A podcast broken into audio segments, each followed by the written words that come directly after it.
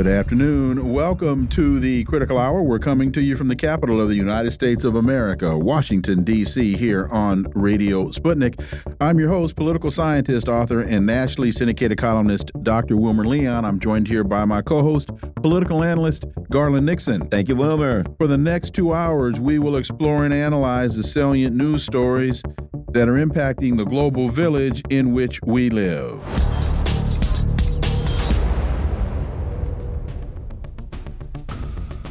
It's now being reported that the Biden administration has redesignated Ansar Allah as specially designated global terrorists.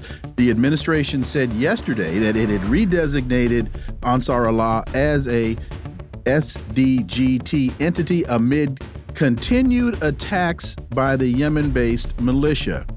Is this the real reason for the U.S. action? For insight, let's turn to our first guest. He's an award winning broadcaster, political analyst, and journalist based in Beirut, Lebanon. Laith Marouf, as always, welcome back. Thank you for having me. So, the administration officials said that this designation is aimed at deterring the Houthis from their ongoing aggression in the Red Sea. It it is latest in a it's the latest in a series of U.S. actions targeting the Iran-backed group and comes as the specter of a wider regional war in the Middle East looms large.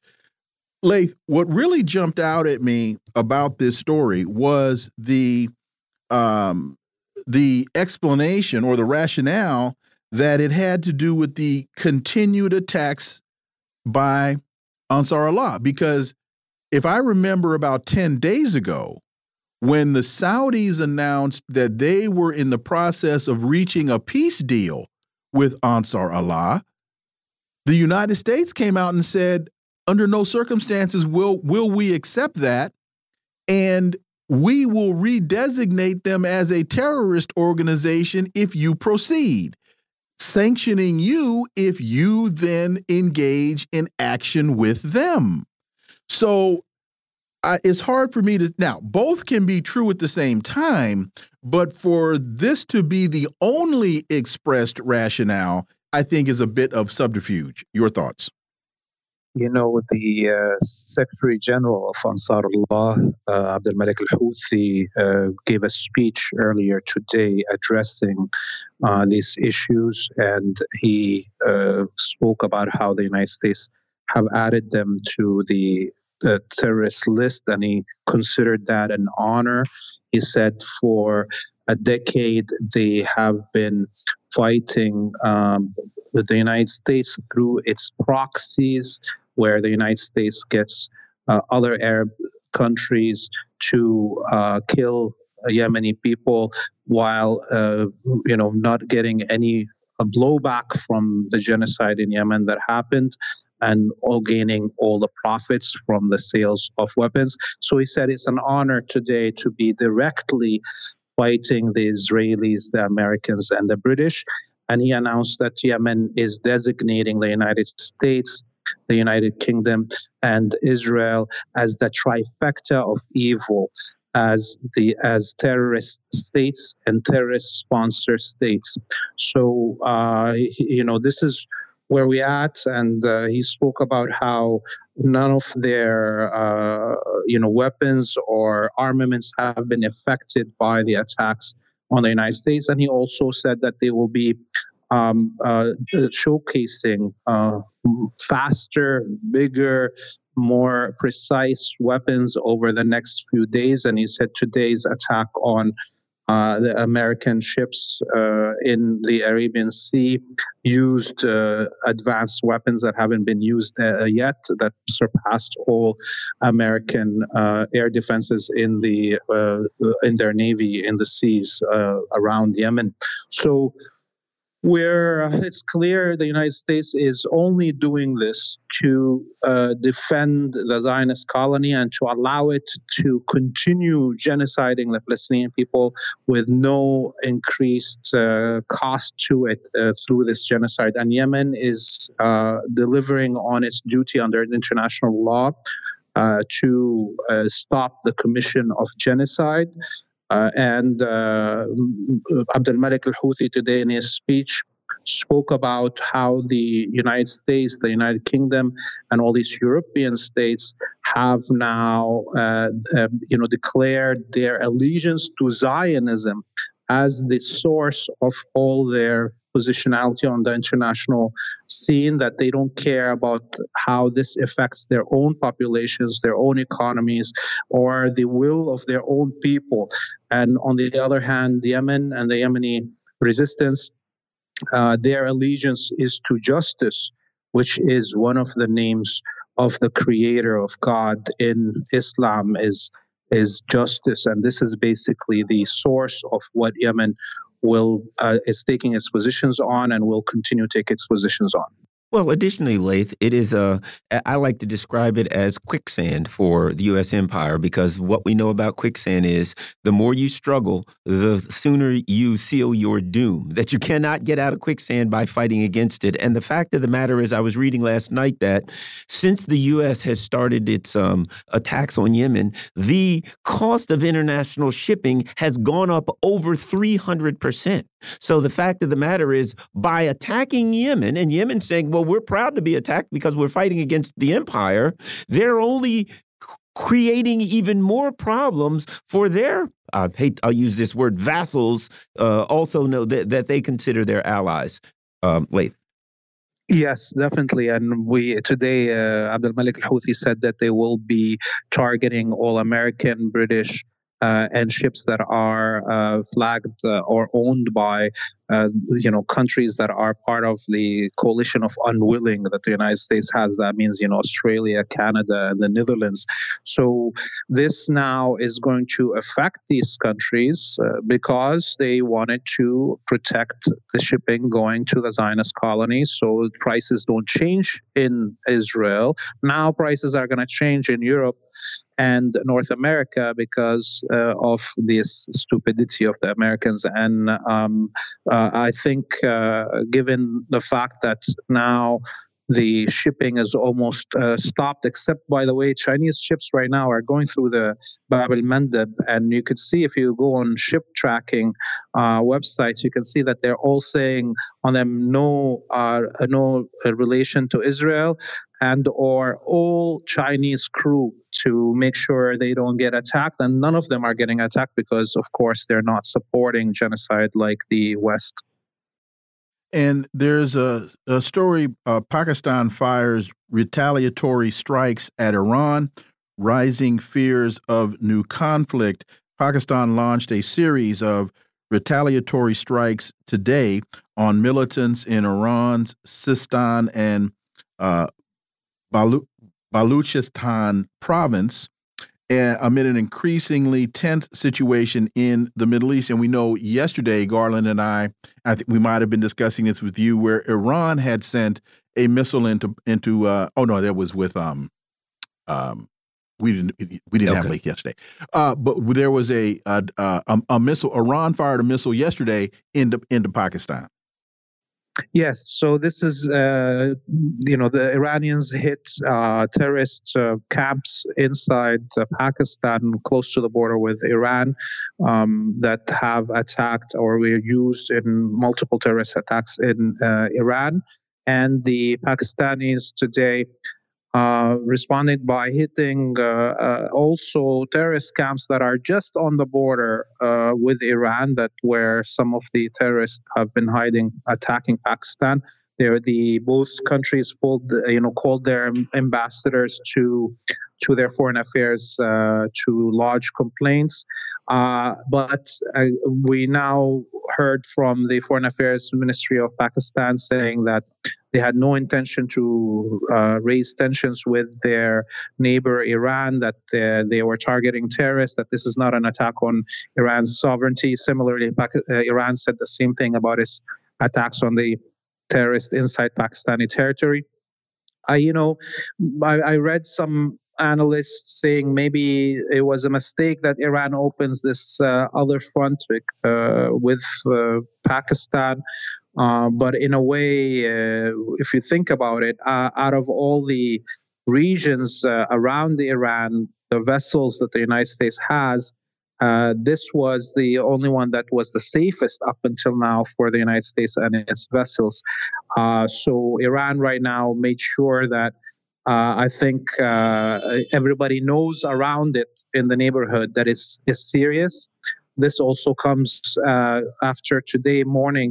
The Iranian Foreign Affairs uh, and, and, and sources said that the Iranians hit two Israeli ships in the Maldives and on the coast of India uh, from Iranian territory with guided missiles. So now we can see how Iran wants to shut down, with the help of Yemen, since all the, the, the routing of trade uh, has been going away from Yemeni shores and going south in the Indian Ocean, now it's being targeted by Iran which is closer to that location and has uh, capabilities to go further.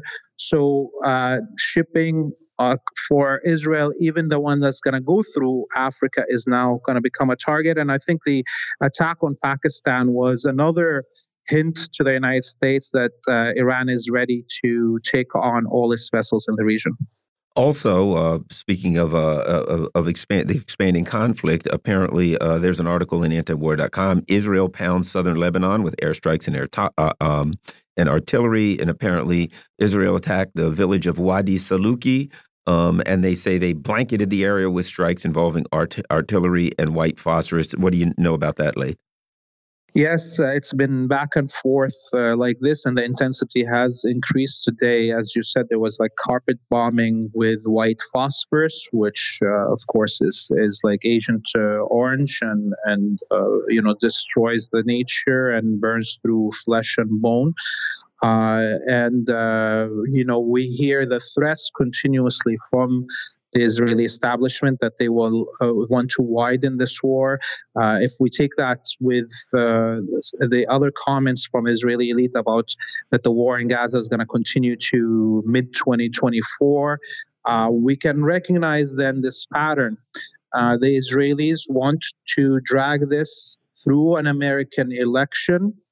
Um, and uh, you know, hoping maybe that Trump or somebody even worse uh, a more right wing, more vicious than even Biden or Trump gets elected, and they can have uh, their uh, regional war with the United States behind them. Um, and so, you know, we, we look at how the conflict uh, is heating up on the border with Lebanon, and we can see that we're going in that direction. I think in, in the next few weeks, if the death continues as it's going in in Palestine, in Gaza, where uh, the average is 100 to 200 people uh, martyred uh, uh, by bombardment by Israel, uh, we should ex be expecting the war on Lebanon to start uh, within those next week or two if this continues. Really quickly, you mentioned that uh, Israel is hoping to drag this out through the American election and in an attempt to influence the election, hoping possibly to get a Trump. There are those in the West that say they back Trump because he's anti war. Your thoughts on that assessment? Well, I mean, you know, Abdul Malik al Houthi in his speech today discussed how it doesn't matter who gets elected in the West. Uh, in fact, uh, every election we saw in the last few decades, the uh, politicians compete on who is more supportive of Zionism, who is more hateful to the Palestinians, who's more willing to kill more Palestinians. And that's always been part of the election uh, cycle in the United States, for instance. And we, we should expect this to happen now. Uh, I think Biden and Trump are going to be competing on who's more Zionist, and that's the truth. So it doesn't really matter to to Palestinians, and in the in the end, also it doesn't matter in the United States who you elect as a as a citizen. Your uh, you know politicians will sell out the whole United States to keep uh, the Zionist colony in, in intact, and it doesn't matter who you elect. They all have pledged their allegiance to Zionism. And uh, as Abdul Malik Houthi says, that they're literally right now satanic, worshiping, you know, the killing of children. That's what the what the elite in the West uh, is stands for, and that's what uh, most of us from outside the United States looking in can see: uh, bloodthirsty politicians looking to kill more and more people around the world. Laith Marouf, as always, thank you so much for your time. Greatly, greatly appreciate that analysis, and we look forward to having you back. You have a great evening. You do the same. Folks, you are listening to the Critical Hour on Radio Sputnik. I'm Wilmer Leon. I'm joined here by my co host, Garland Nixon. There's more on the other side. Stay tuned.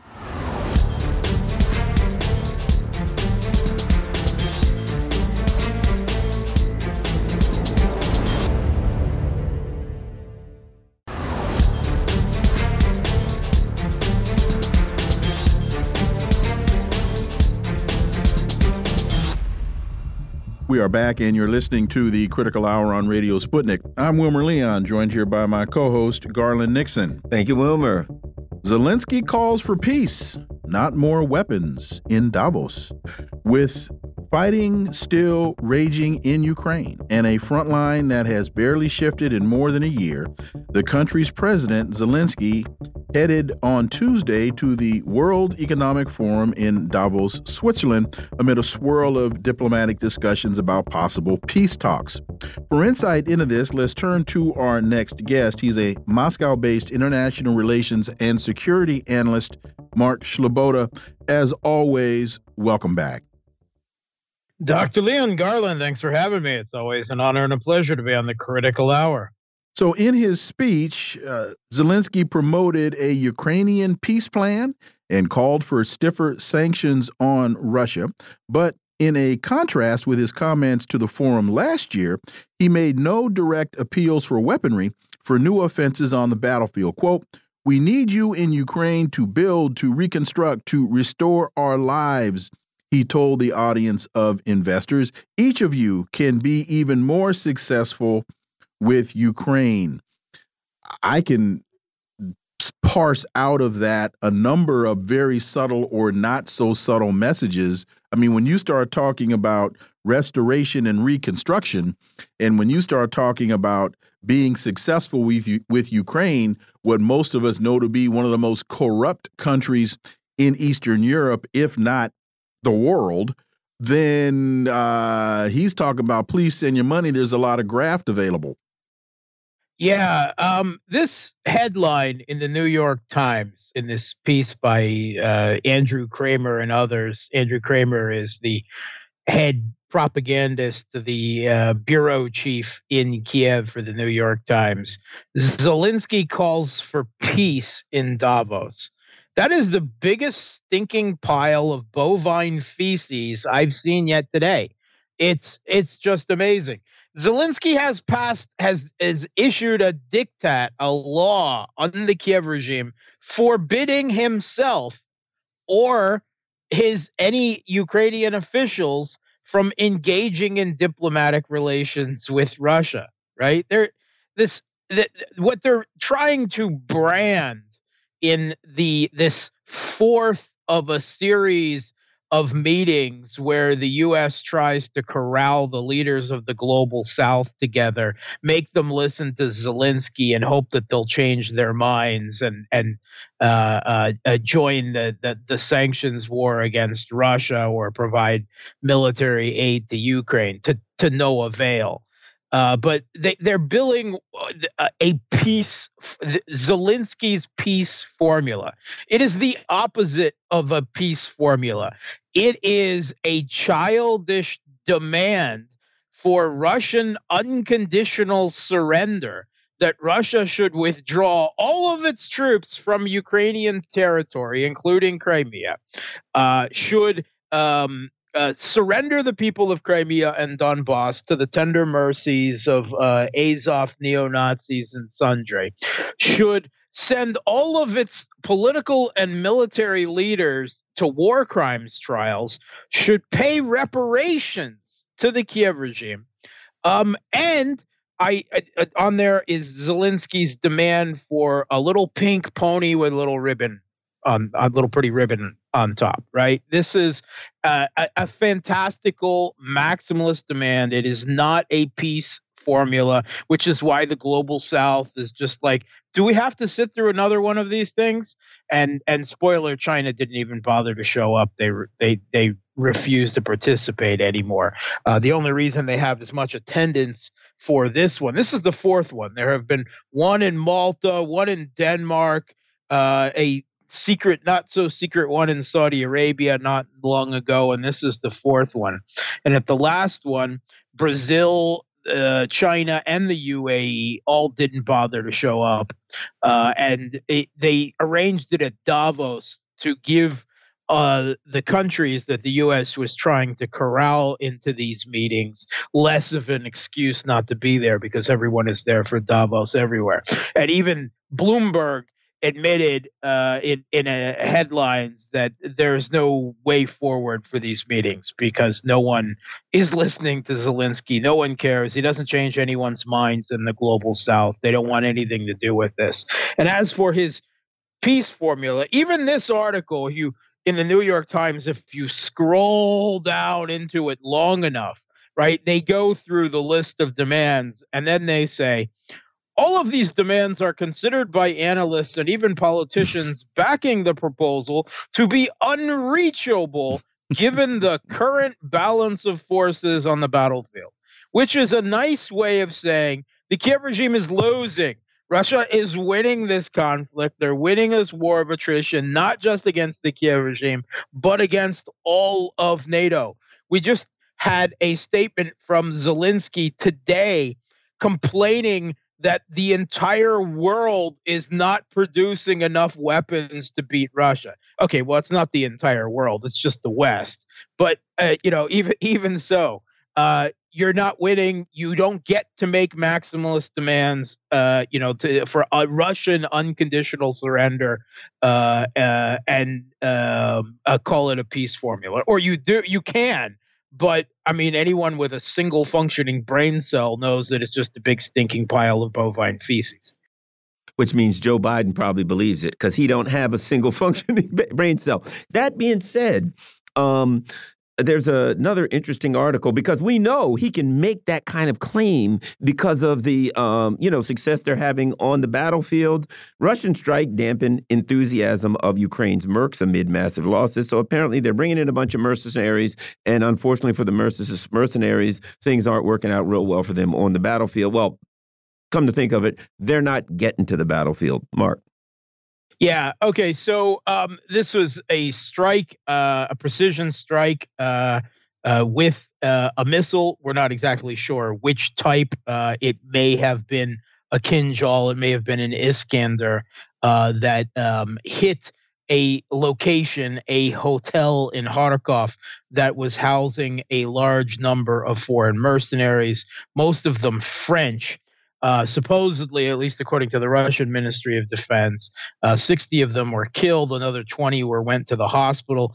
Um, France denies that they have any mercenaries in, in Ukraine. Okay, you can call them whatever you want. French special forces who are given an extra fr- in in in early furlough, furlough or a um, uh, uh, uh, a extended leave of absence to go and fight in Ukraine. If you want to call them that, that's fine.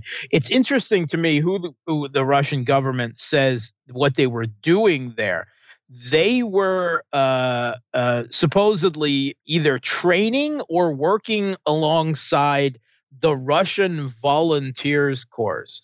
Now, these are literal, even the Western mainstream media admitted this, literal Russian neo Nazis, like fire breathing, flaming, undeniable, the Satanists of neo Nazis. And when I say that, I mean literally one of them is the leader of a death heavy metal, the skinhead neo Nazi band who combines worship of Hitler, like literal worship of Hitler, uh, uh, with uh, satanic rituals. I mean, that's that's the type of guys who are in the Russian volunteers tears course. Uh, the the band's name, by the way, is is Moloth, with the O's replaced by eight. You know, double eight, Heil Hitler, Nazi code, not not so code. Anyway, uh, so these are the type of people that these uh, uh, French mercenaries uh, were were working alongside or training. They've been the ones who have regularly been making attacks uh, up across the border into Belgorod, where they pop across the border, shoot up a passenger car or a small town, and then run back. and and try to claim some type of uh, victory uh, for uh, the you know re- regime. So um, I I think it is a a, a further lesson learned uh, that Russia will be targeting you. They will if you're a a, a for a Westerner uh, mercenary or or you know uh, ex special forces or whatever fighting for the Kiev regime. Um, and according to the Russian Ministry of Defense, some 5,990 uh, such individuals have been killed and an almost an equal number have arrived and uh, uh, then run home when they saw how serious a conflict this was. I.e., this isn't like a, a a, a safari tour in Afghanistan or uh, Iraq or somewhere where they go out and you know kill some largely helpless villagers with AK 47s and improvised explosive devices. You're fighting a world power that has ballistic cruise and hypersonic missiles, is dropping. Uh, you know, fifteen hundred pound uh, guided bombs uh, on on on you, and and everything else. Uh, so uh, yeah, newsflash: you don't belong here, and uh, if you insist on coming here, then you'll be priority target number one. Sputnik International reports Ukraine on the brink of a coup as Zelensky leads country to ruin. Former Ukrainian diplomat and whistleblower uh, Telizhenko joined, uh, uh, was on fault lines here, uh, speaking about the heartbreak he feels as his country loses people and territory in an unnecessary conflict. Uh, your thoughts on on uh, Telizhenko's uh, lamenting and uh, the thoughts that the the country's on the brink of a coup.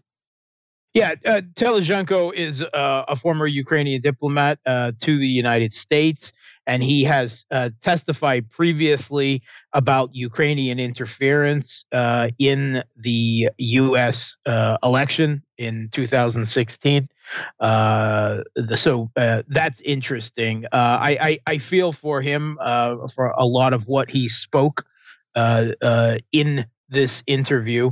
Um, you know, he talked about the uselessness uh, of this uh, fight and how the country's current leadership has led them to this situation, serving not the Ukrainian people's interests, but the interests of the United States and the the greedy interests of of this small elite. He pointed to Zelensky's increasing unpopularity as his lies, and I I would I would say, uh, e well, even the Times, his own officials uh, spoke to Simon Shuster in the Times and called Zelensky Zaluzhny, uh, made him uh, delusional, made him uh, very much out to be an emperor without clothes figure whom you can't even speak any amount of truth to, uh, because he he inhabits a, a, different mental space and world from the rest of us.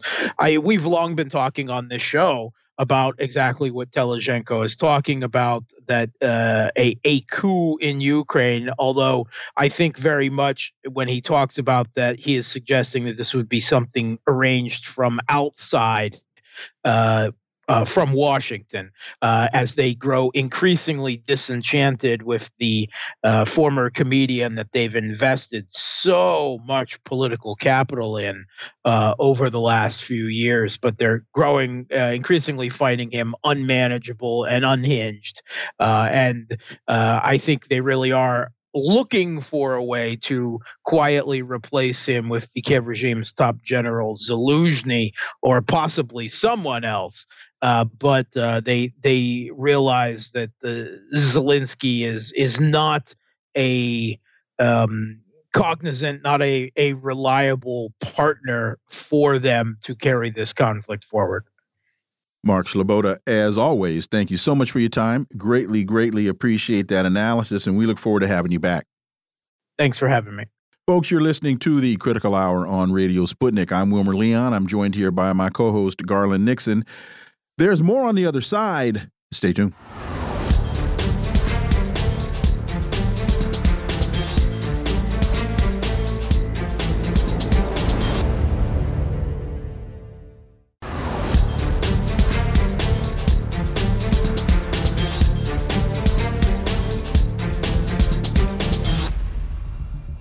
We are back, and you're listening to the Critical Hour on Radio Sputnik. I'm Wilmer Leon, joined here by my co host, Garland Nixon. Thank you, Wilmer. Responsible Statecraft has a piece entitled Congress Forms Caucus to Aid Iranian Ex Terror Group.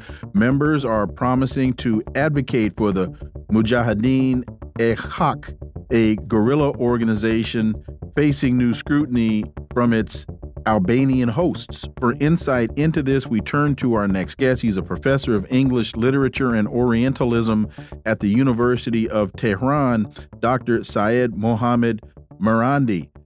Dr. Marandi, welcome back. Good afternoon.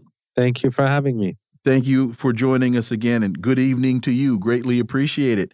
Uh, several members of Congress have created a caucus to support the uh, Mojahideen Ehak I hope I got that close to correct, an exiled Iranian faction that once fought for Saddam Hussein and was formally listed as a terrorist organization by the U.S. government. The lawmakers' move comes as the MEK, long accused of cult like abuses and shadowy foreign ties, faces legal problems in Albania over its Ashraf 3 compound.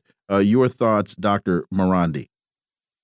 Well, I think it's exactly the sort of group that the U.S. would be supporting. Let's see. Uh, before the revolution, they killed, I think, eight Americans. Then they fought for Saddam Hussein. Then they turned out to be a cult. Some of them burned themselves alive in Western capitals in different protests. That sounds like the sort of people that the U.S. government would be supporting. And the other thing is, uh, you know, we see we continue to see things that contradict the U.S. government's um, uh, uh, rhetoric. You know, oh, we're here to save the people from an evil government. Oh, we're standing up for democracy and justice, human rights, blah, blah, blah. But then when you see, you know, beware of the company you keep, right? When you see the Azov battalion in Ukraine, ISIS running around Syria, when you see the people on their payroll, it's fairly obvious what the reality of this is, Dr. Marandi. Yeah, absolutely. The, the United States has a a history of choosing the worst, and I think that says a lot about the United States. The whether it's the Contras in Nicaragua, or as you said, the Azov Battalion, or ISIS, or Saddam Hussein was an ally of the United States. They gave him chemical weapons to use against Iran. I survived two chemical attacks during that war. And then they turned against him and overthrew him, and uh, then they brought in uh, the uh, a new government. Uh, they destroyed the country. They imposed the government, and now they say that the Iranians are interfering. So the Americans support Saddam, overthrow Saddam, and then blame Iran.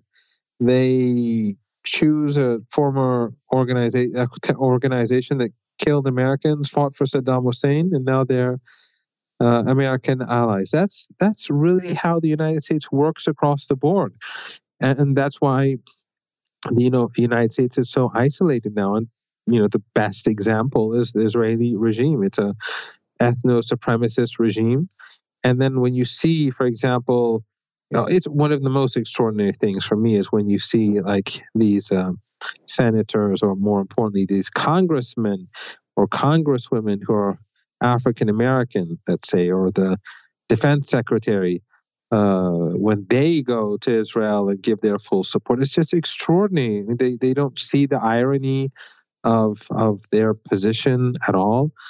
So whether it's Israel, whether whether it's Azov, whether it's the Mujahideen Nahal, whether it's the Americans, their their choices are the worst, and they're always losing.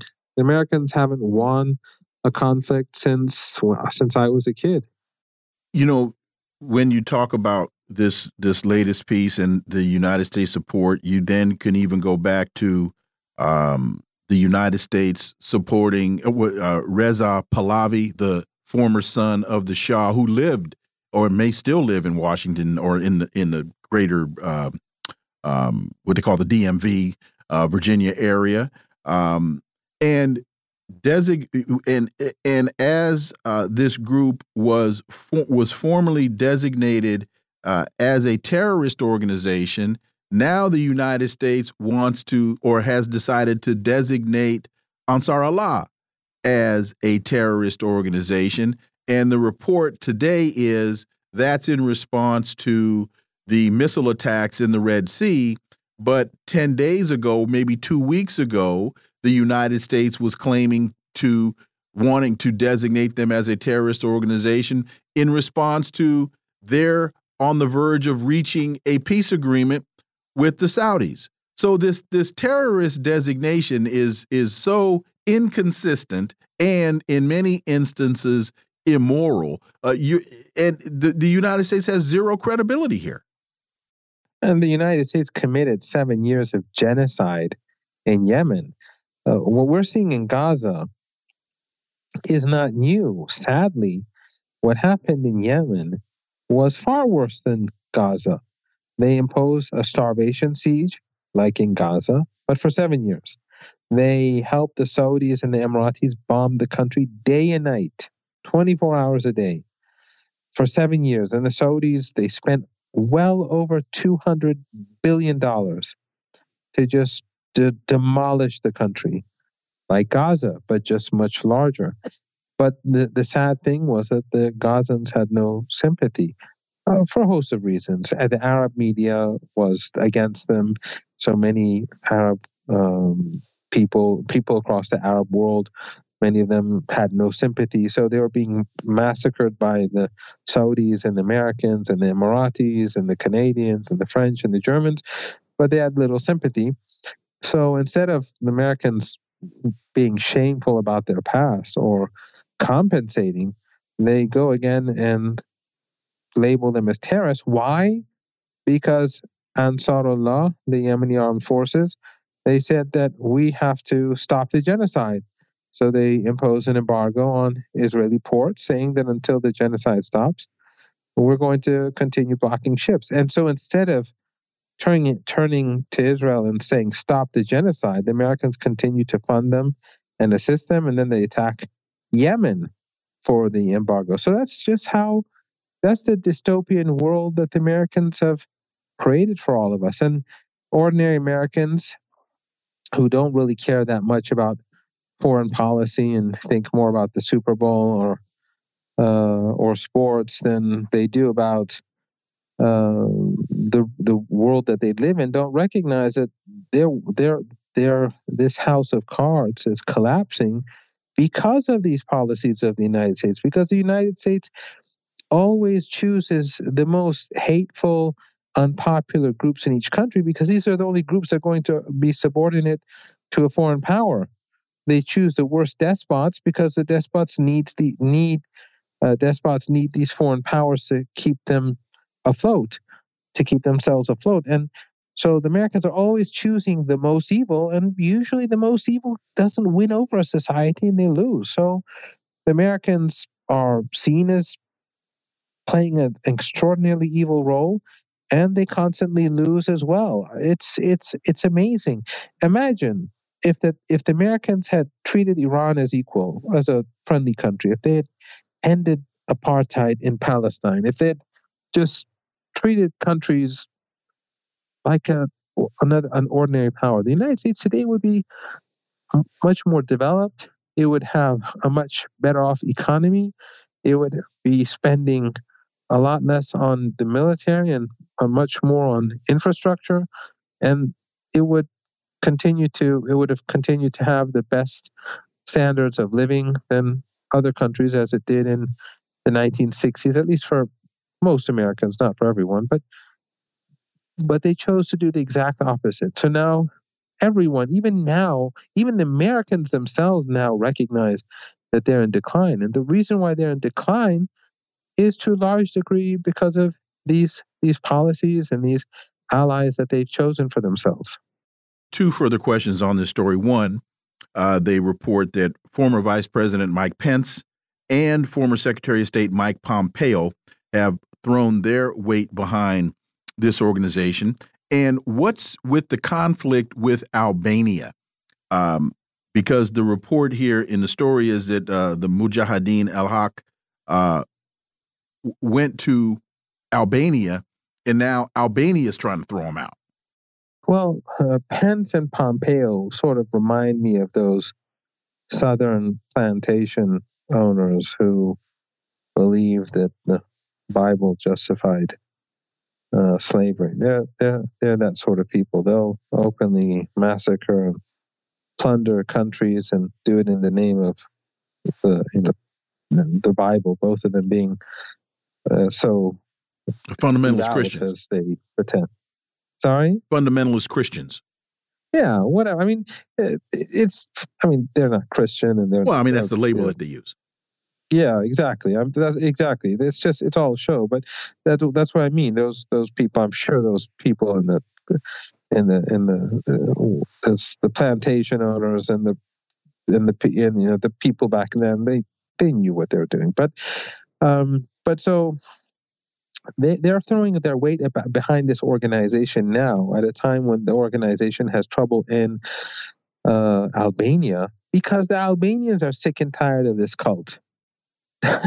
when you choose crazy people who worship uh, a person and who set themselves uh, on fire for this person, uh, you know, ultimately others, you know, the people, the people, people around them uh, are going to get, you know, be, are going to become wary of them. In Albania, people are seeing that this uh, this organization is their their behavior is strange, they're crude, they're aggressive, and the the Albanians don't want to have anything to do with them. But the Americans put them there.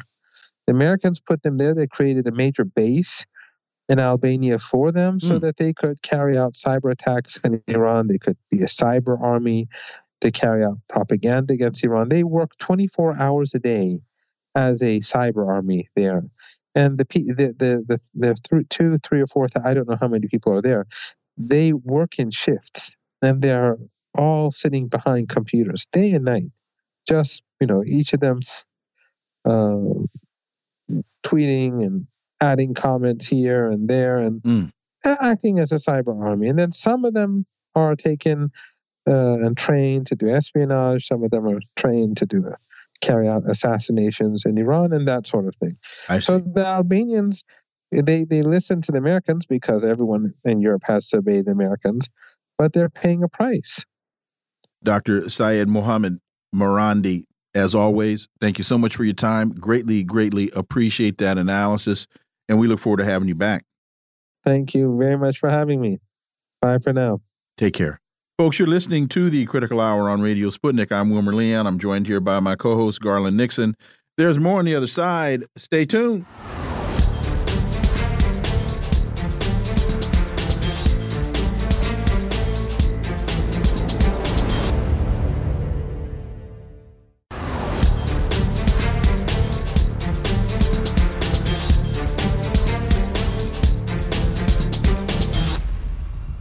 We are back, and you're listening to the Critical Hour on Radio Sputnik. I'm Wilmer Leon, joined here by my co host, Garland Nixon. Thank you, Wilmer.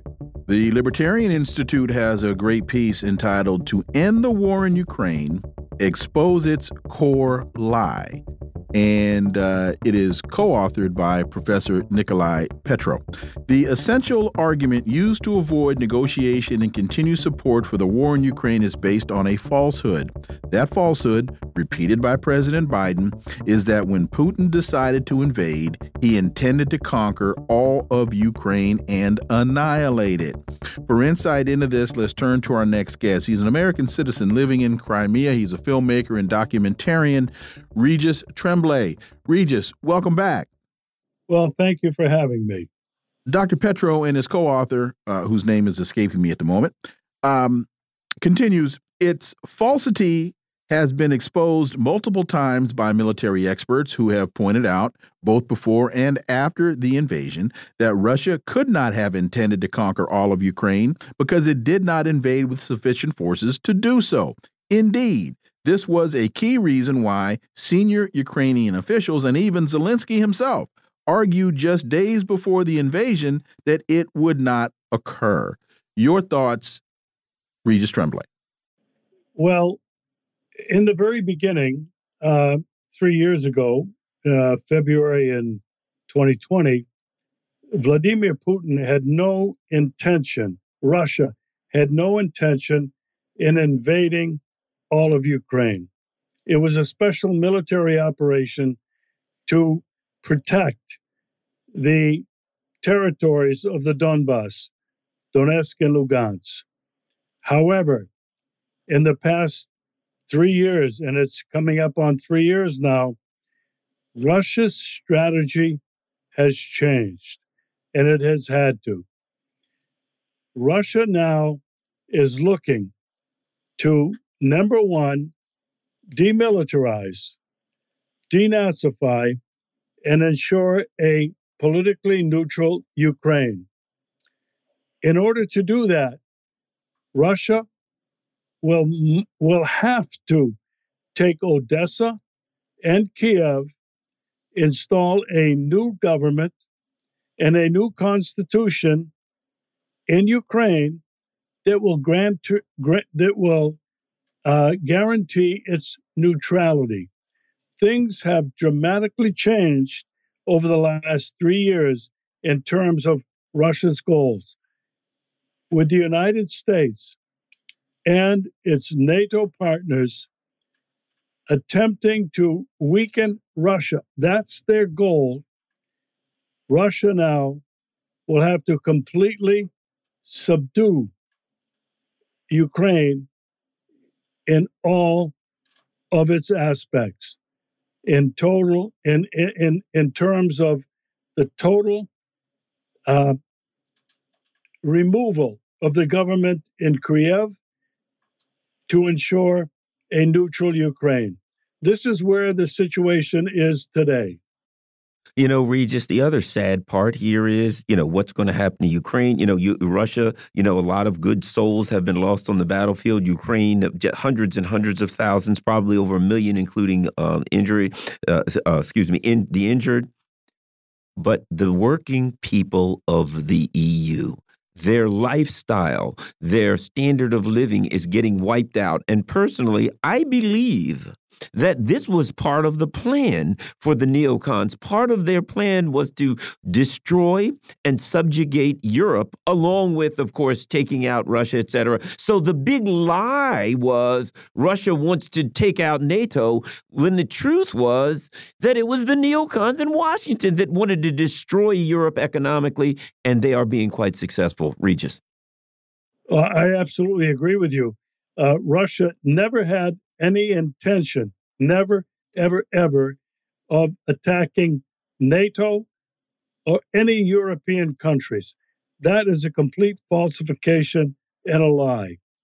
Russia has only sought to guarantee its borders, its national security. It has repeatedly, since the year 2000, when Vladimir Putin became president, he wanted nothing but cooperation with NATO and the EU, but it was rejected.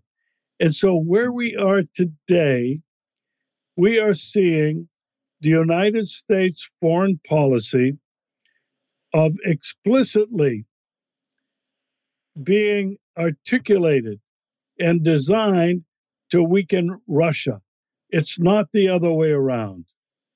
So, with that, there's a um, another story that which would be really funny if it wasn't so pathetic.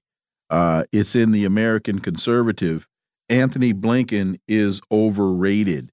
Despite the bouquets from media outlets like Time, Blinken seems to possess an undistinguished disdain for the actual practice of diplomacy.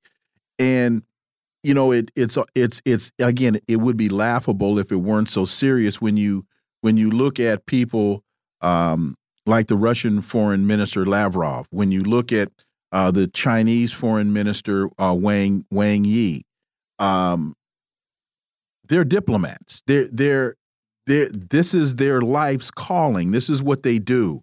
Uh, Tony Blinken really uh, appears to be I don't know. Uh, he's a hockey player playing baseball. I mean, he he he's way, way, way, way, way out of his league, as it seems to be, are most of the minds in the U.S. Department of State, because the Department of State is supposed to be the um, is is supposed to be the diplomatic arm, not the military arm of the United States. But all Blinken seems to be doing is traversing the world as the cheerleader for imperialism through militarism. Regis Tremblay. Well, you're exactly right. First of all, Tony Blinken showed his true colors in Anchorage. I think it was three years ago when he called out the Chinese. They wanted to have this diplomatic discussion in Anchorage, Alaska. Correct. And he showed he showed his true colors as a neocon, as a militarist. Now Blinken is a lightweight. But wait a minute, wait, wait a minute, wait a minute, wait a minute, Regis, because the, I think the key element to that point is the Chinese were so offended by how he approached the meeting, they got up and walked out of the room, which is something the Chinese don't do. Well, you're, you're exactly right. I mean, they rejected this overture from the United States of America and they would not be lectured. They would not be talked down to. Now, when we get back to Blinken, he's a trust baby. He comes from wealth. He was Harvard educated, Columbia educated. He's a Zionist. Anthony Blinken is nothing more than a tool of the globalist military power on the planet.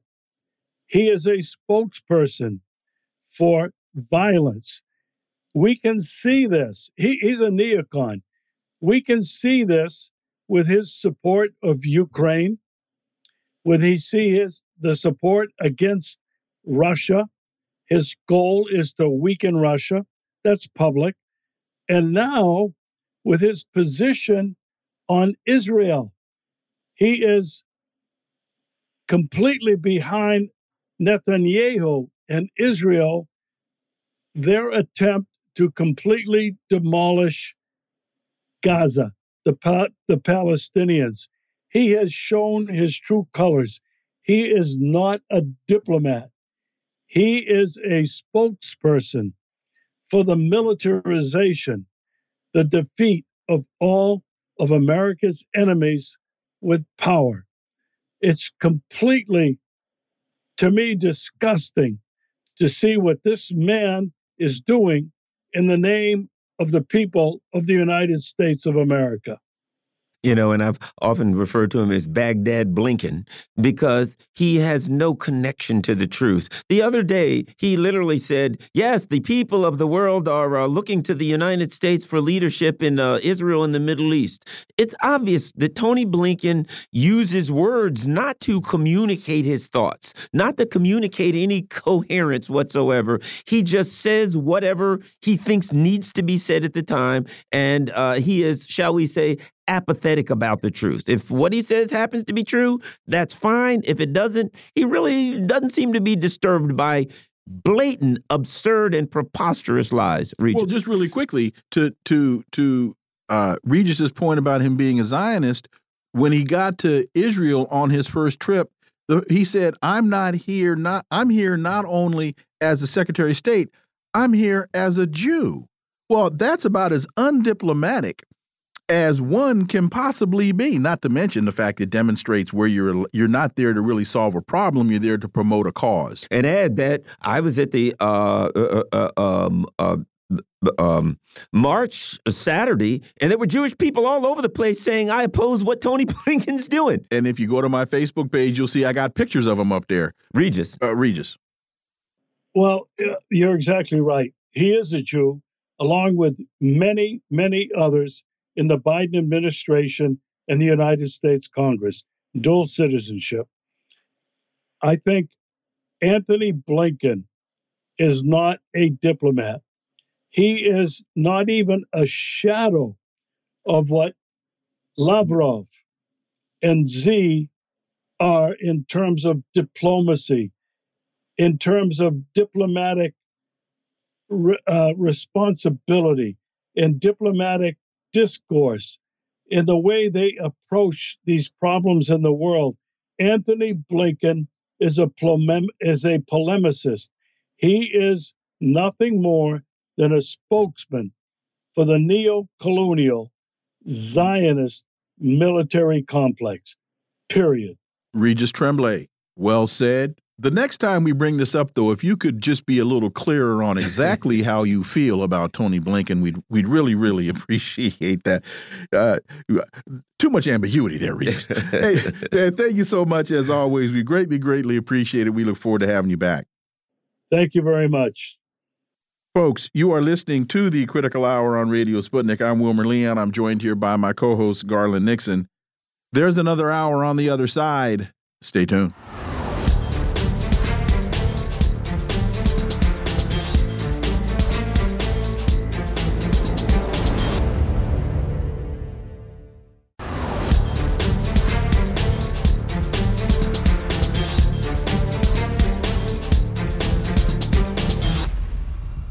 We are back, and you're listening to the Critical Hour on Radio Sputnik. I'm Wilmer Leon, joined here by my co host, Garland Nixon. Thank you, Wilmer. Orinoco Tribune has a piece entitled The Rules Based International Order.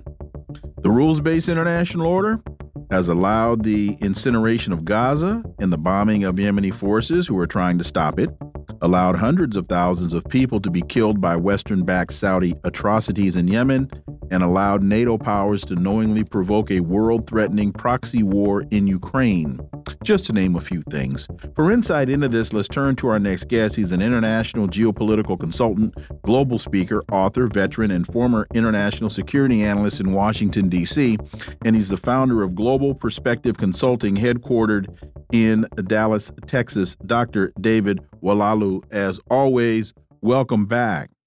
Pleasure to be with you, Wilmer.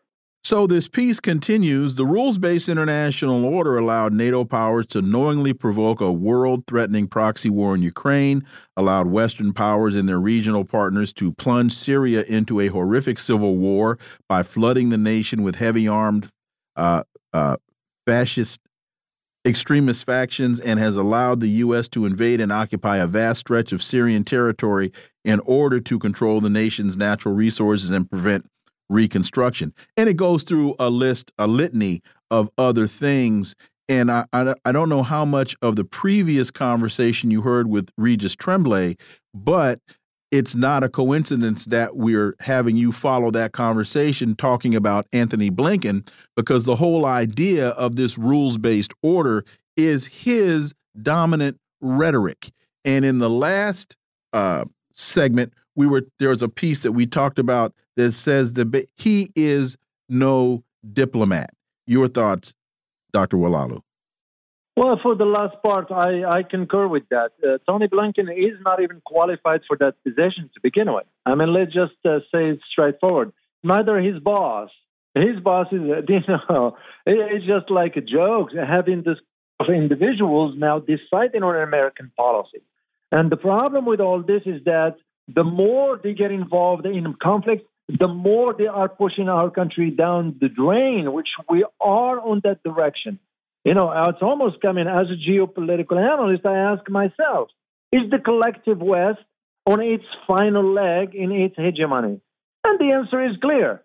Because we have reached a point, we, collective West, reached a point now of no return because we are witnessing the fall before our own eyes. I look at just the recent example of uh, conversation just took place yesterday or the day before between Olaf Scholz and Netanyahu, by which Olaf Scholz now saying Israel is a democracy and we're going to be providing you with artillery shells, which means what?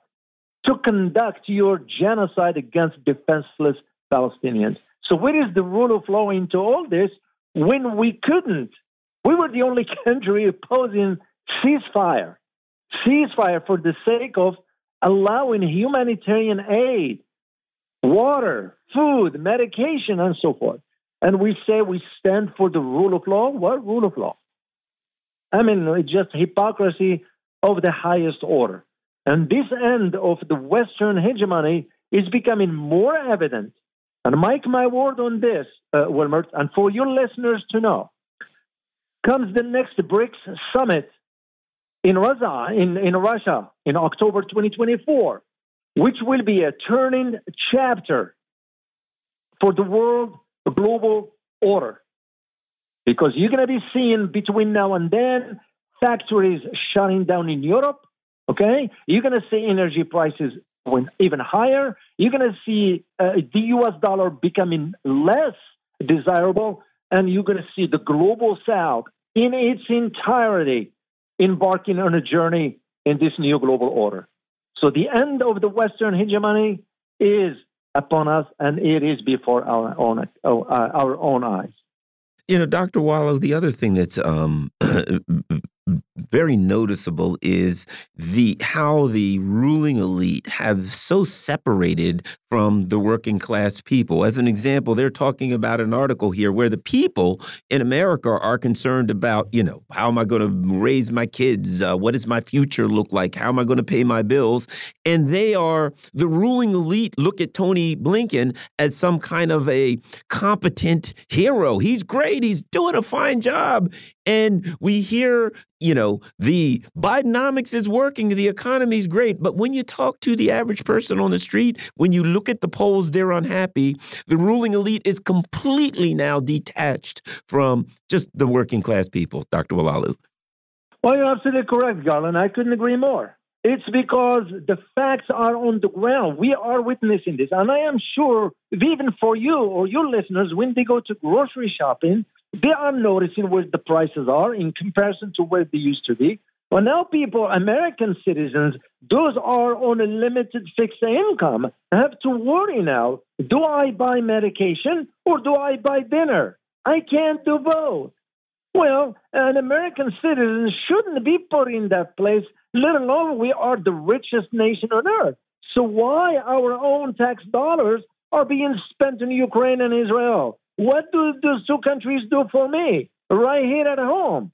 It just American people needs to wake up also because we are also realizing how the administration is embarking on these failed policies from one administration to the next. It just it just the cycle keeps repeating itself, and at some point it becomes upon us to decide what we want.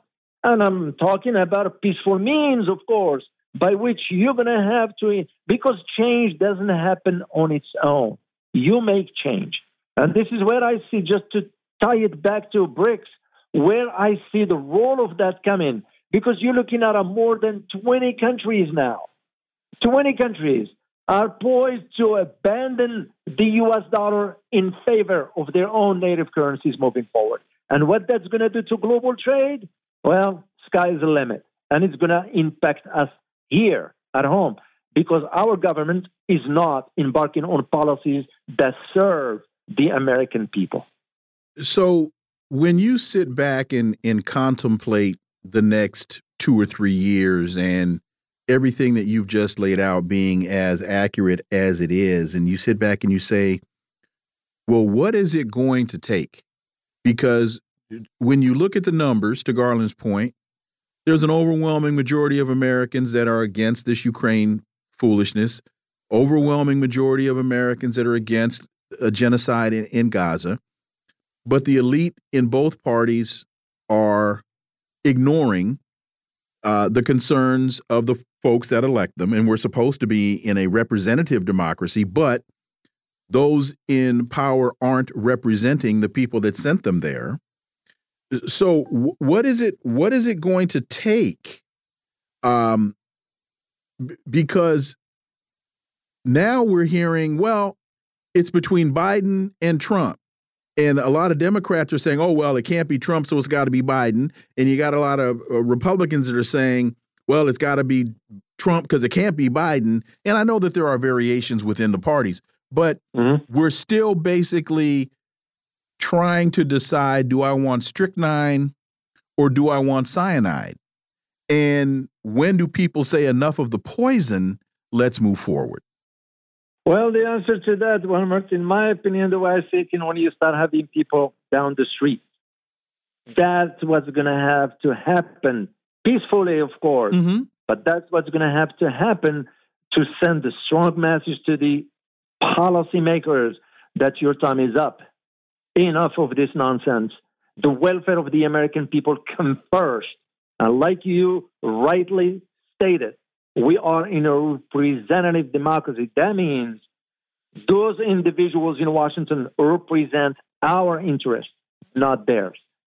Sadly to say, as one who works in Washington, and I started to see the signs back then, of course, I had conversations and some overlooked what I was talking about, saying, Oh, no, Mr. O, that ain't going to happen. We'll be fine. There is no global disorder. There is no, we're fine. And I said, how can we be fine when we are surrounding the world with military bases that's taking away from the programs that serve the American people? How can we be fine when now an American have to wonder whether he has enough money or she has enough money to feed his or her kids?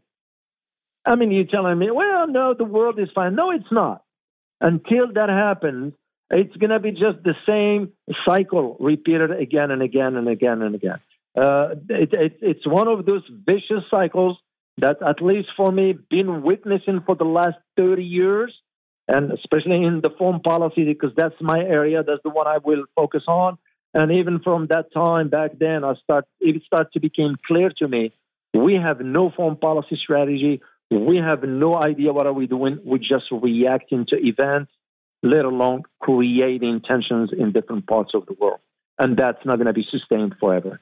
Pepe Escobar has a has a uh, Sputnik uh, article how the how the West was defeated, and he talked about it. Emmanuel Todd, Todd's recent recent book, you know, and we're mm -hmm. starting to see people who are like uh, uh, discussing the obvious, and that is that uh, the, West, the U.S. empire, its vassals, its colonies, its allies, whatever term you want to use, um, decided to pick this fight in Ukraine, and it is obvious that they are losing. They can't admit they're going to lose, and it seems like once again um, the U.S. empire is you know run into a brick wall. This one is not going to be as easy to walk away from as Afghanistan or Vietnam because they took, uh, for one thing, they took Europe's economy down with them this time. Dr. Oualaalou. Which was by design, Garland. That's what the Biden administration wanted. Look at where Germany is economically now. Germany is on the on the on the verge of a recession. You're not going to hear about it. They're not going to disclose that because they wanted to keep the status quo the way it is. And where Germany is, it gives you an idea where Europe is going economically speaking. So I'm familiar with Todd's book. Uh, I read, funny, I just read two days ago or so uh, a snippet of it. It's, I'm not, I'm not surprised that the uh, the book was almost uh, sort of a pushback against this because he's talking the truth here. He's saying the truth, and of course the elite's not going to want that. That reminds me like a book that was uh, published way back time uh, called Forbidden Truth U.S. and Taliban Secret Oil Diplomacy and the Fell Hand for the Hunt for Bin Laden, which was forbidden here in the U.S. I mean, I got a copy of it in France because I have family in France, so I wanted to get a copy there. So it just gives you an idea that where this is going is exactly what was described by Todd. It's the question for us now as American citizens do we understand the implication of those changes that's going to be coming, which they are on our way in a way that we cannot control? That is where my big concern about average Joe, average Jane here in the U.S. And there are two elements, the, the, the focus of the key reasons that have led to the West downfall. The first two, the end of the nation state and deindustrialization. And folks are experiencing those two realities every day. They, it's playing itself out right before their very eyes as we, the, you know, the end of the nation state, as we move into uh, the 2024 election. In fact, Donald Trump in 2000, when he was running against Biden, said, I'm here to deconstruct the administrative state. And folks didn't understand what the hell he was talking about. That and deindustrialization, we see that impacting us every single day. We got two minutes, Dr. Oualaalou. That's correct, Wilmer. I mean, you look at about this, even when the Biden administration was saying about bringing the jobs from overseas, and hey, it's a lie, it's nonsense. That era is gone. Why? Because we have moved away from that aspect that made America America, which is the industrialization. We manufacture certain things right here at home. We don't uh, do that anymore. So what do we expect? And now we will be at the at the uh, mercy of the next global trade, how it's going to be, which, in my opinion, is going to favor now the global south. That's why they are moving in a different direction, and we're going to suffer. Dr. David Oualaalou, as always, thank you so much for your time. Greatly, greatly appreciate that analysis, and we look forward to having you back. My pleasure. Folks, you are listening to the Critical Hour on Radio Sputnik. I'm Wilmer Leon. I'm joined here by my co host, Garland Nixon. There's more on the other side. Stay tuned.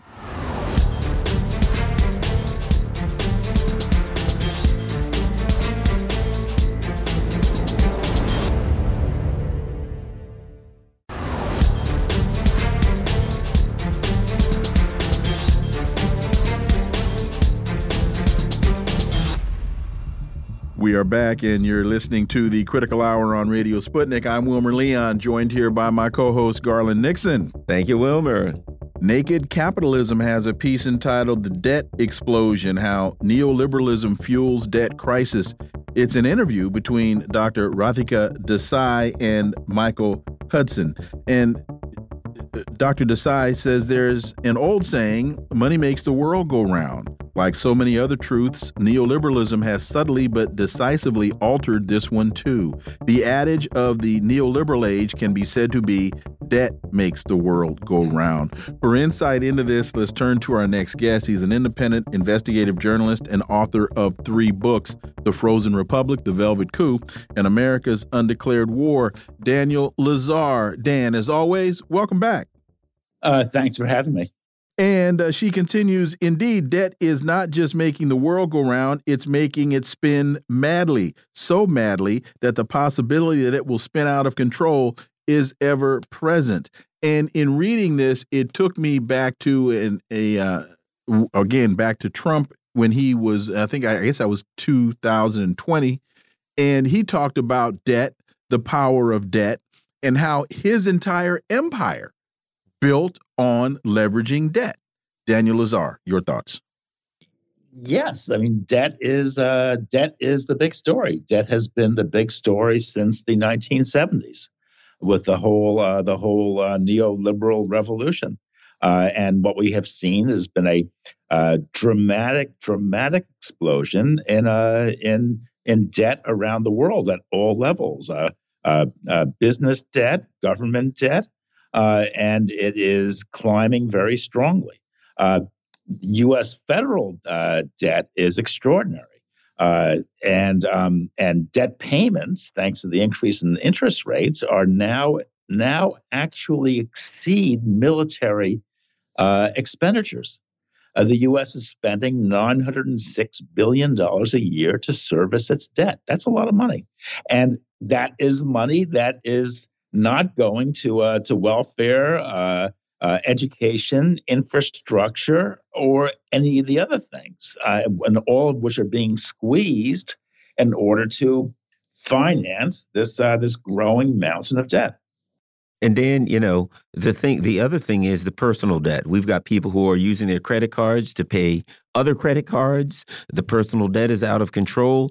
And we see that, to me, manifest itself in things like Joe Biden has a 33% approval rating, and they use terms like Bidenomics. But the truth is, this isn't Bidenomics. This is, one could argue, it's neoliberal capitalism, or one might, me, like me, may argue that this is ultimately what capitalism does inevitably anyway. Dan, it's distress.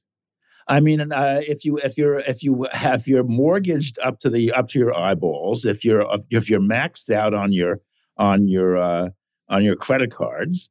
Uh, and if your income is uh, is is not keeping pace, then you are in distress. In other words, you're sweating, you're staying up at night, you're worried, and this then these kinds of fears.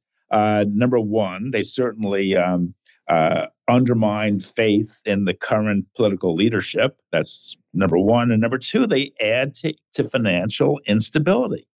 Because at a certain point, if you're having trouble paying down your debts, you may default, and that could trigger a chain reaction as other people uh, default as well. So that is the that is the time bomb that is hidden uh, in this kind of debt increase. And no one, the chemistry is very mysterious. It's very volatile. No one knows when the time bomb will go off. But we can, we can say that things are getting more and more dangerous. And you know that whole financial crisis that we endured coming out of the Bush administration into the Obama administration, a lot of that as it as the crises fell upon many individual homeowners who had leveraged their homes, uh, you know, at the at the behest of of, of yeah. mortgage companies. Uh, but that was all debt driven. It was they yeah. were promoting debt. They were encouraging debt. Hey, folks, I'll give you this incredible loan on your home, and all you've got to do is remortgage your home and it was done with gov- with government encouragement. That's a really important thing. Yeah, uh, it was done with the encouragement of the uh, of the Federal Reserve. Uh, so all the so essentially you were you were pushed. Individuals were pushed into taking on all this debt. Then then, then in 2008 the whole thing exploded, and uh, we were we've been followed ever since then by a uh, by slow economic growth. Um, but yet the debt has kept on climbing. Uh, and interest rates are very, very low. And when interest rates are low, that encourages people to take on more debt. And so as a result, debts are at record levels. And the US debt picture, the federal government's debt picture, is really alarming. The uh, the the debts are the, the curve is is steeply rising. Uh, there's there's no end in sight, uh, and plainly, some kind of crisis is going to be uh, is going to uh, occur soon. And this is why this is one reason, as you said, why faith in uh, in Joe Biden is rapidly eroding. And when we talk about this debt, when we talk about the mortgage crisis, and you look at the intergenerational transference of wealth, one of the things that has enabled working class and middle class families, um, all families, but I'm using them specifically, to uh, advance their financial circumstance is the parents bought a home, they had kids, the parents paid off the home, the parents passed, and they passed yeah. that home on to their children, and the value of that home had increased. But that's this, these, these are the good old days. This is when uh, this is a uh, this is the way things were when you and I were growing up, uh, and the economy was highly productive, and uh, people could could sort of like you know plan in that way. But what we've seen since the 1970s is a basic slowdown in the underlying economy. And uh, as the economy has slowed down, as growth has slowed, people have piled on debt uh, in um, at, as a form of compensation.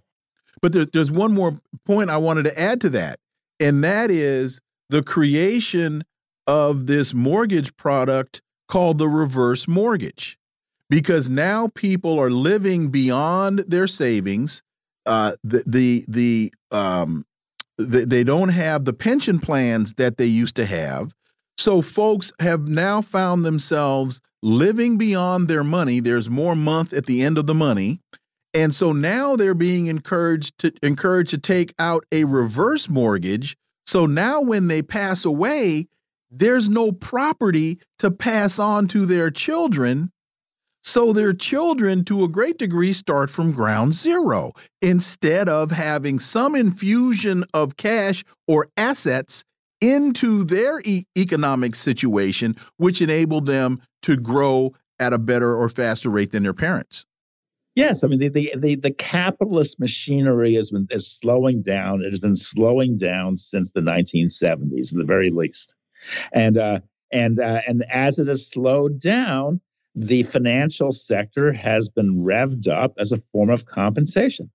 So instead of making stuff, people, you know, sort of play with money. and uh, and and they engage in all kinds of tricks, reverse mortgages, derivatives, this and that, and this and that, in order to uh, to generate wealth. But it's spurious wealth. It's a fictitious capital, to use the Marxist term, and uh, and um, and clearly it can't go on forever. Clearly, this is some kind of this whole process is delusory. And as we all know, we can just look around us. I mean, our society is is not richer; it's really poorer. Uh, I mean, if the true cost of global warming were factored into the, you know, into the uh, in, into the economy, I mean, the economy would be bankrupt. But a lot of things, I mean, you know, people aren't doing well. People are are hurting. Uh, there's, you know, people's lives are falling apart. Um, so it's a sort of a combination of a kind of a a, a financial boom coupled with an underlying poverty, which is very hard to understand, understand, but we all can sort of feel it in our bones. Chair Post Ellen Brown, casino capitalism and the derivatives market, time for another Lehman market. And that uh, a moment. And that's the other thing. People kind of have this intuitive feeling that things are going to drop, that things are going to go bad, because that's the other part we look at it. When we stopped making things, they came up with just magic will uh, asset-backed securities, uh, uh, derivatives, credit, you know, default swap, things of that nature. So they came up with, as as you again, as you said, Marx said, fictitious capital. But at some point, as an example, commercial real estate, there are asset-backed securities based on commercial real estate. But when I drive around uh, uh, downtown Washington, D.C., when I walk out this door, there are all of these empty office buildings in the building are, we're in that are worth nothing. And exactly. you've got asset backed securities based on that real estate. It's nothing based on nothing. Dan. Yes, that, that's exactly the problem. I mean, I'm, and I live in, uh, in Manhattan, and, uh, and, and real estate values have never been higher, uh, and there have never been more vacant storefronts. Uh, it's it's extraordinary. Or never more homeless people on the street as well. So something clearly is wrong there. Something is out of jibe, uh, and and and that is what is what makes people so uneasy. I mean, back, you know, when I was growing up, uh, things were different. Uh, you know, people sort of like you know had solid jobs, solid homes. You put your money in the bank. Uh, you know, uh, uh, by the 1960s, my father was playing around in the stock market, but really involving very, very small sums. And so, uh, and so that was it. Uh, it was like uh, Keynes uh, said that you know that uh, that if um, it's okay if speculation is the is the bubble on the on the on the economic stream, but when the economic stream itself is all a bubble, then you then you have a problem. And and the and the and our economy has gotten increasingly frothy and bubblicious uh, since the uh, since especially since the 2008 crash, uh, and people are really worried as to where this is going. And Dan, final point to all of that, you talked about your father and uh, his generation. They had pensions, and I, and, and I mean, I have no idea what your father did. I have no idea if your father had a pension, but the generation had pensions, and that provided a certain level of security once you had retired. And now those have have gone the way of the dinosaur, and um, people are again people that retire fine. There's more month at the end of the money. Daniel Lazare. Yeah, there's a there's a mount security is the key word. There's a mounting sense of insecurity, uh, and people are worried, and they see a lot of froth in the economy, and uh, and it makes them nervous, and and and their instincts are correct because you know there shouldn't be so much froth, and and a huge levels of mounting debt, and and and, and U.S. debt and federal debt, debt payments, which are, are approaching a trillion dollars a year, and probably in a few months will attain that level. This is extraordinary. Uh, and it's unsustainable. And just quickly, a lot of the anger and the ire that we're seeing in Germany, that we're seeing in France, that we're seeing in Britain, is because their quality of retirement, their lifestyle expectations are now going the way of the dodo bird, as uh, we have been experiencing here. Yes, exactly, and and it certainly doesn't help when a when a certain government blows up a certain gas pipeline, correct, and uh, and and deprives Germany of an all important source of, uh, of of cheap energy. Uh, that that adds that adds to the nervousness. Those six Ukrainians in that sailboat, man, they did a hell of a job. I, they're amazing. Daniel Lazare, as always, thank you so much for your time. Greatly, greatly appreciate that analysis, and we look forward to having you back. Thank you. Folks, you are listening to the Critical Hour on Radio Sputnik. I'm Wilmer Leon. I'm joined here by my co host, Garland Nixon. There's more on the other side. Stay tuned.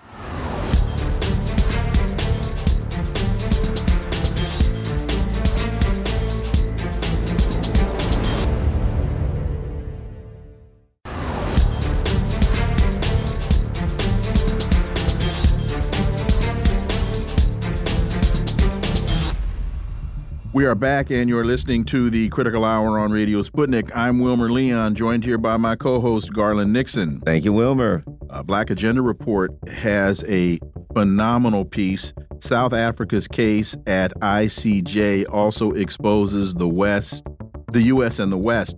South Africa's charge of genocide against Israel proves that this very serious word should be used more often instead of being treated as a rarity. The U.S. and the nations of the West have committed countless genocides, and their actions must be labeled as such. Again, this is a phenomenal piece. For insight, let's turn to our next guest. She's the senior editor and senior columnist at Black Agenda Report, author of Prejudential Black America and the Presidents, and she's the author of this piece, Margaret Kimberley, As always, welcome back. Thank you so much. So you write if Israel is committing genocide in Gaza, the United States did the same and assisted others in Libya and Syria and Somalia and Yemen and Haiti. This long list of criminality is one of the reasons that Secretary of State Blinken and other officials call South Africa's charge against Israel meritless. If they acknowledged Israel's genocide, it would not only expose U.S. culpability, but they would have to acknowledge their own misdeeds as well. Margaret Kimberley. Yeah, I thought it was important to write this piece because we now, if we didn't know before, um, we, uh, thanks to South Africa's case against Israel in the International Criminal Court, we know that the definition of genocide, frankly, sets rather a low bar. It says, and I'm reading some of it, means any of the following acts committed with intent to destroy, in whole or in part, a national, ethnic, racial, or religious group.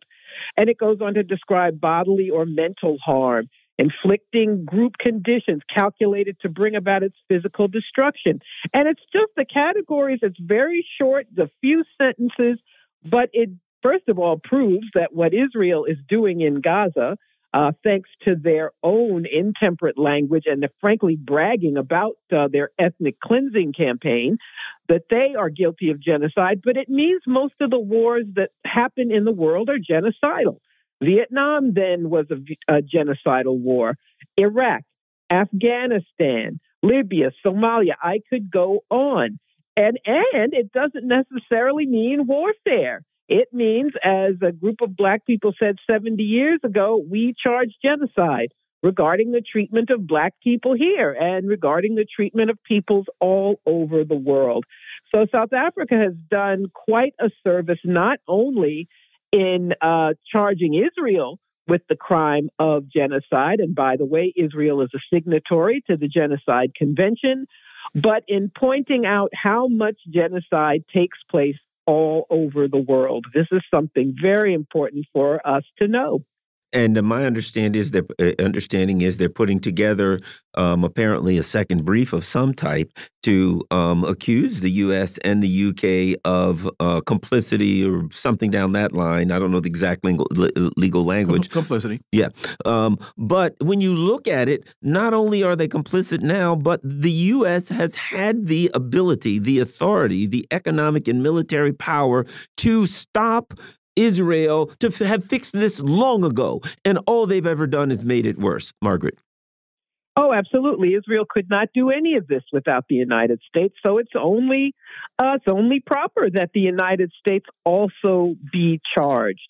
I think I hope this is the beginning of uh, a new way for people to think about uh, these crimes, to acknowledge these military actions as crimes, crimes against humanity, war crimes, genocide, all of these definitions. I urge uh, listeners to look these things up. They're not hard to find. The U.S. is and its friends are guilty too. The British are guilty. Uh, in Kenya during the so called Mau Mau uprising, killing thousands of people, torturing people, concentration camps, destroying the records of that genocide. So there's so many um, examples, but I hope this is the beginning of people starting to think in a new way and to realize this the bar is low. It's not some rarity or some word that should never be used. It is common and should be used all the time.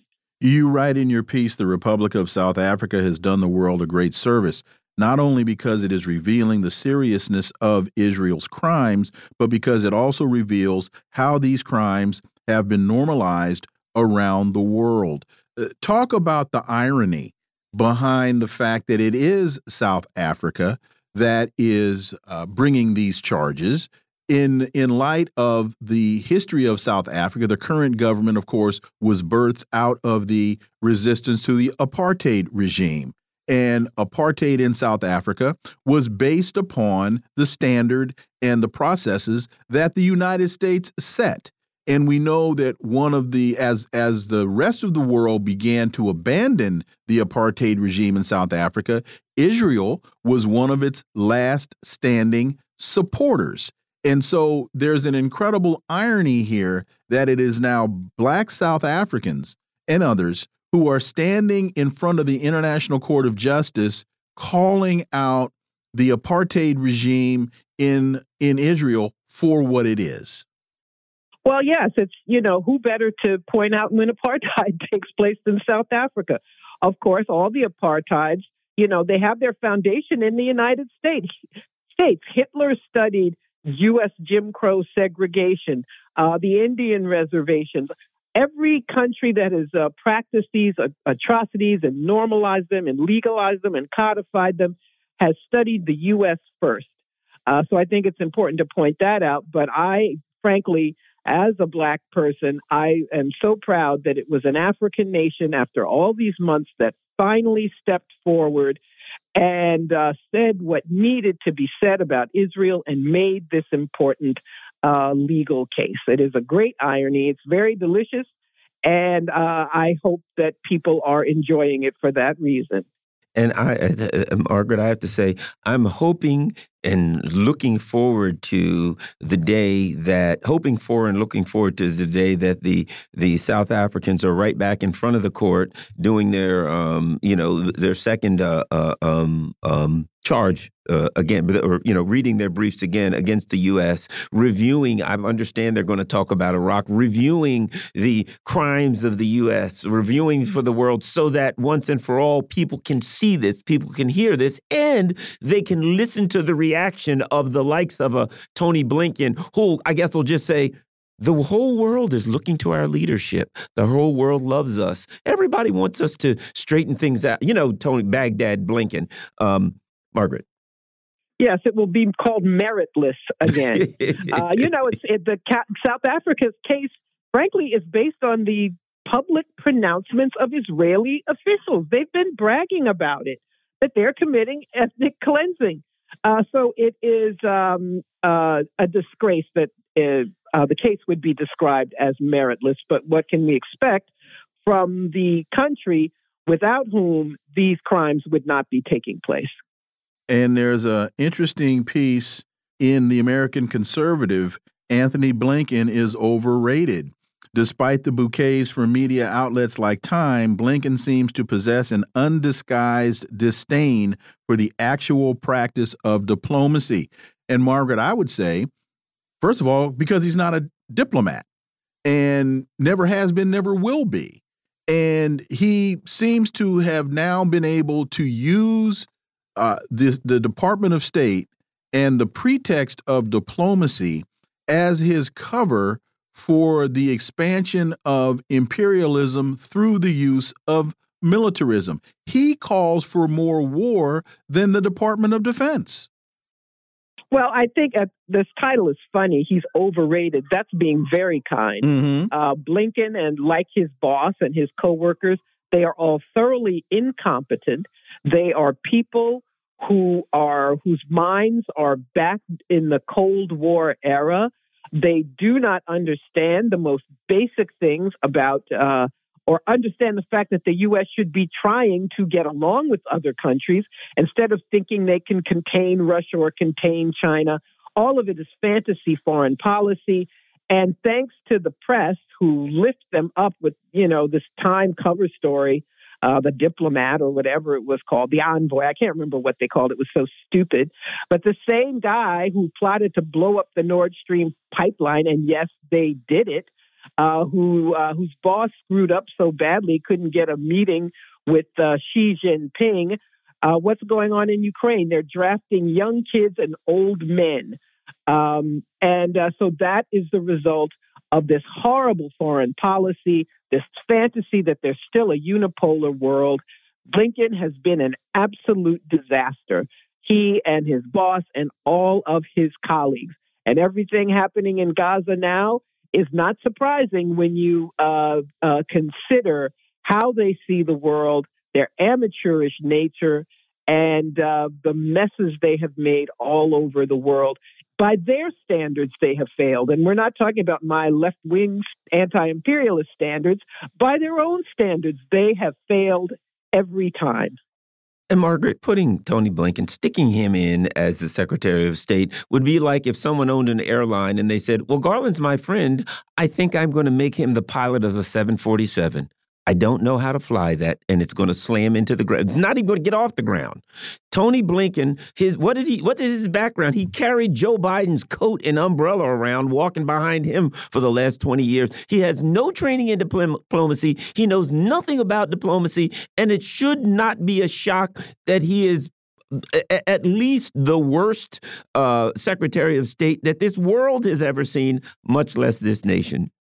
Margaret. Yes, He's one of these people who's in the revolving door.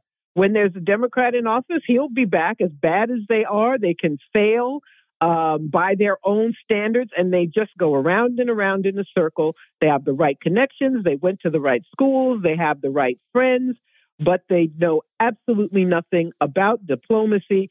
And so it's clear that this system is not about diplomacy. They want to keep promoting this idea that the United States can run the whole world and tell everybody what to do.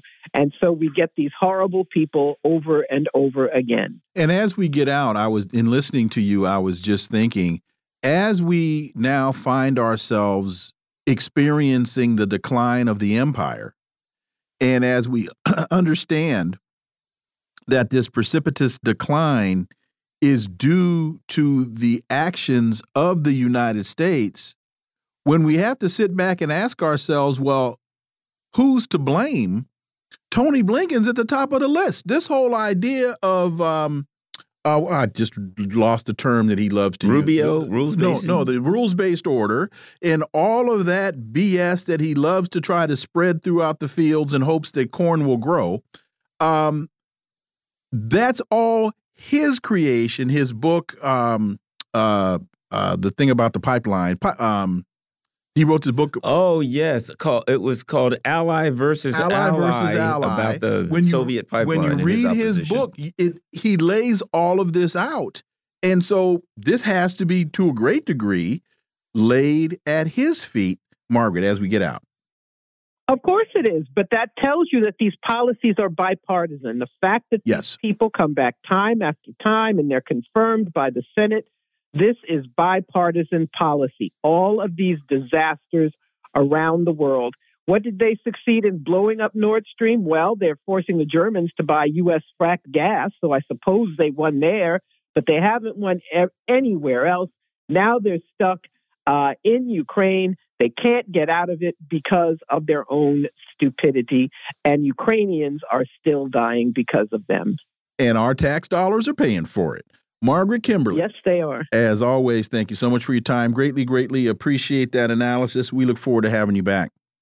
Thank you so much. Folks, you are listening to the Critical Hour on Radio Sputnik. I'm Wilmer Leon. I'm joined here by my co host, Garland Nixon. There's more on the other side. Stay tuned.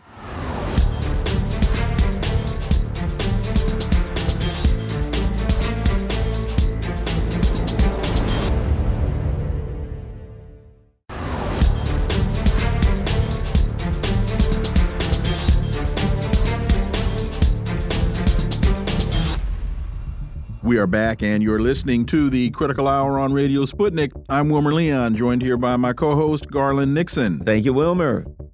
RT reports, according to Scott Ritter, how the U.S. misleads the world about its involvement in Yemen, while Washington maintains that the strikes on Houthi installations are defensive and fully legal.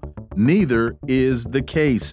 For insight into this, let's turn to our next guest. He's a peace activist and author of Blood on Our Hands The American Invasion of Iraq. Nicholas Davies. As always, Nick, welcome back. Yeah, thank you for having me. So, Scott continues the strikes in Yemen were necessary, proportionate, and consistent with international law, quote unquote. With this statement, the U.S. delegate to the UN defended the joint U.S. UK military strikes against targets affiliated with the Houthi militia undertaken on the 12th of January. The irony of this statement is that it was made before a body, the UN, which had not authorized any such action, thereby eliminating any claim to legitimacy that could possibly be made by the U.S. In fact, Nick, I don't think that Biden got U.S. Congress approval to do this either. So he's violating the um, the War Powers Act. Nicholas Davies. Yes, absolutely. The uh, uh, almost everything that that the U.S. is doing in the Middle East right now is illegal, irresponsible, and incredibly dangerous. Um, and you know, the U.S. is absolutely complicit in genocide in Gaza. And now, what, we're seeing in these last few days is that as there is no sign of the violence in Gaza abating, there are still 150, 200, 250 people being killed every day, mostly by Israeli airstrikes, some uh, by troops on the ground. But this is this has been um, behind the you know the absolutely deceptive rhetoric from Israel and the U.S. They are just um, they they they had the heaviest bombing so far of Khan Yunis, the largest city in southern Gaza, just the other night. Uh, they they hit all around the Nasser hospital and thousands of civilians who, of course, have fled from the north, um, were then forced to flee from the Nasser hospital in that area in Khan Yunis once again fleeing down towards Rafah. And uh, I mean, Israel is just herding, herd using bombs to herd people down further and further south and, until the whole population of Gaza, what's left of them, will be sort of stacked up against the Egyptian border. Um, and then presumably at some point they, they just think that pressure will give way and Egypt will allow um, hundreds of thousands of Palestinians to flee across that border into Egypt, and and uh, and this genocidal ethnic cleansing of Gaza will will be um, you know complete or into its next stage. Um, now the Houthis and the Iranians and Hezbollah are the only forces in that part of the world who are coming to to to try and exert some pressure uh, militarily to to stop this. Um, before the Houthis started um, stopping ships and uh, firing missiles at ships headed for Israel, um, the Houthi leader publicly called on countries between Yemen and Israel, in other words, Saudi Arabia, to open up its borders to allow hundreds of thousands of Yemeni forces to come through its border and and come and uh, come to fight with Hamas and the uh, other branches of the uh, Palestinian resistance in Gaza. But they, you know, what the what where the, the U.S. and Western corporate media, as usual, just has everything upside down. It is not the the U.S. that represents any kind of rules-based order. It, it's this is the rulers-based order, um, but uh, but they're not yeah, they're not ruling as much as they used to, and they will not be ruling as much as they are for, for very much longer at the rate they're going. Um, so now we have Iran has entered the fray, firing 11 missiles at um, Erbil in Iraqi Kurdistan, um, more missiles fired all the way from Iran to Idlib in northwestern Syria. And and and again, this this is being reported in the West as if this is all um, just crazy Iranians, you know, behaving badly. There's there's a real logic to what Iran is doing. In fact, if anything, Iran is under pressure from its own people and its own um, more conservative, hardline people. Um, to to step up its support for the people in Gaza, and and little by little they they are doing that. They fire apart. Well, we could talk about Erbil in a bit, but those two missiles that were fired at Idlib, they both struck the headquarters of two different Al Qaeda, ISIS linked um, groups, and they both were dead accurate at a range of about 800 miles. Now, the range would have been shorter if Iran had fired those missiles from um, west, its province of West Azerbaijan in the northwest of the country. It did not. It fired them from Khuzestan in the southwest of the country. And the BBC uh, had a very good article with a map, and it was it was headlined "Iran demonstrates missile capability capability with regional strikes," and and the map showed, you know, where is Western Azerbaijan, where is Khuzestan in relation not just to Idlib, but to Israel. And so what they demonstrated is that they have the capability to hit a building at a range of 800 miles with those missiles that are in Khuzestan, closer to Israel than to Idlib. And quickly, what we talked about yesterday, it's 1,200 miles from Tehran to Tel Aviv. Yep. Nick, uh, something that's interesting. I, I, think I think those are kilometers. Actually. Yeah, Okay. Uh, so this article, um, one of the things Scott sh shows is that the U.S. in front of the the uh, you know recently said to the UN the strikes in Yemen were necessary, proportionate, and consistent with uh, with international law. Joe Biden, I saw saw a couple places online where Joe Biden was asked about the effectiveness. Are they affecting the Houthis? Are they going to stop the Houthis? And he basically said, well, no. He admitted they weren't effective, but then said, but we're going to keep doing them. So he's arguing we're doing this, but they don't work, but we're not going to stop. And of course, as is discussed by Scott, they have not gone to the UN to make their case. They have no legal foundation for doing this. Again, the rules based international order, we can do whatever we want to just because we can do. We're bomb people. Ah, we got nothing else to do. Let's bomb the poorest country in the region. Two minutes, Nick.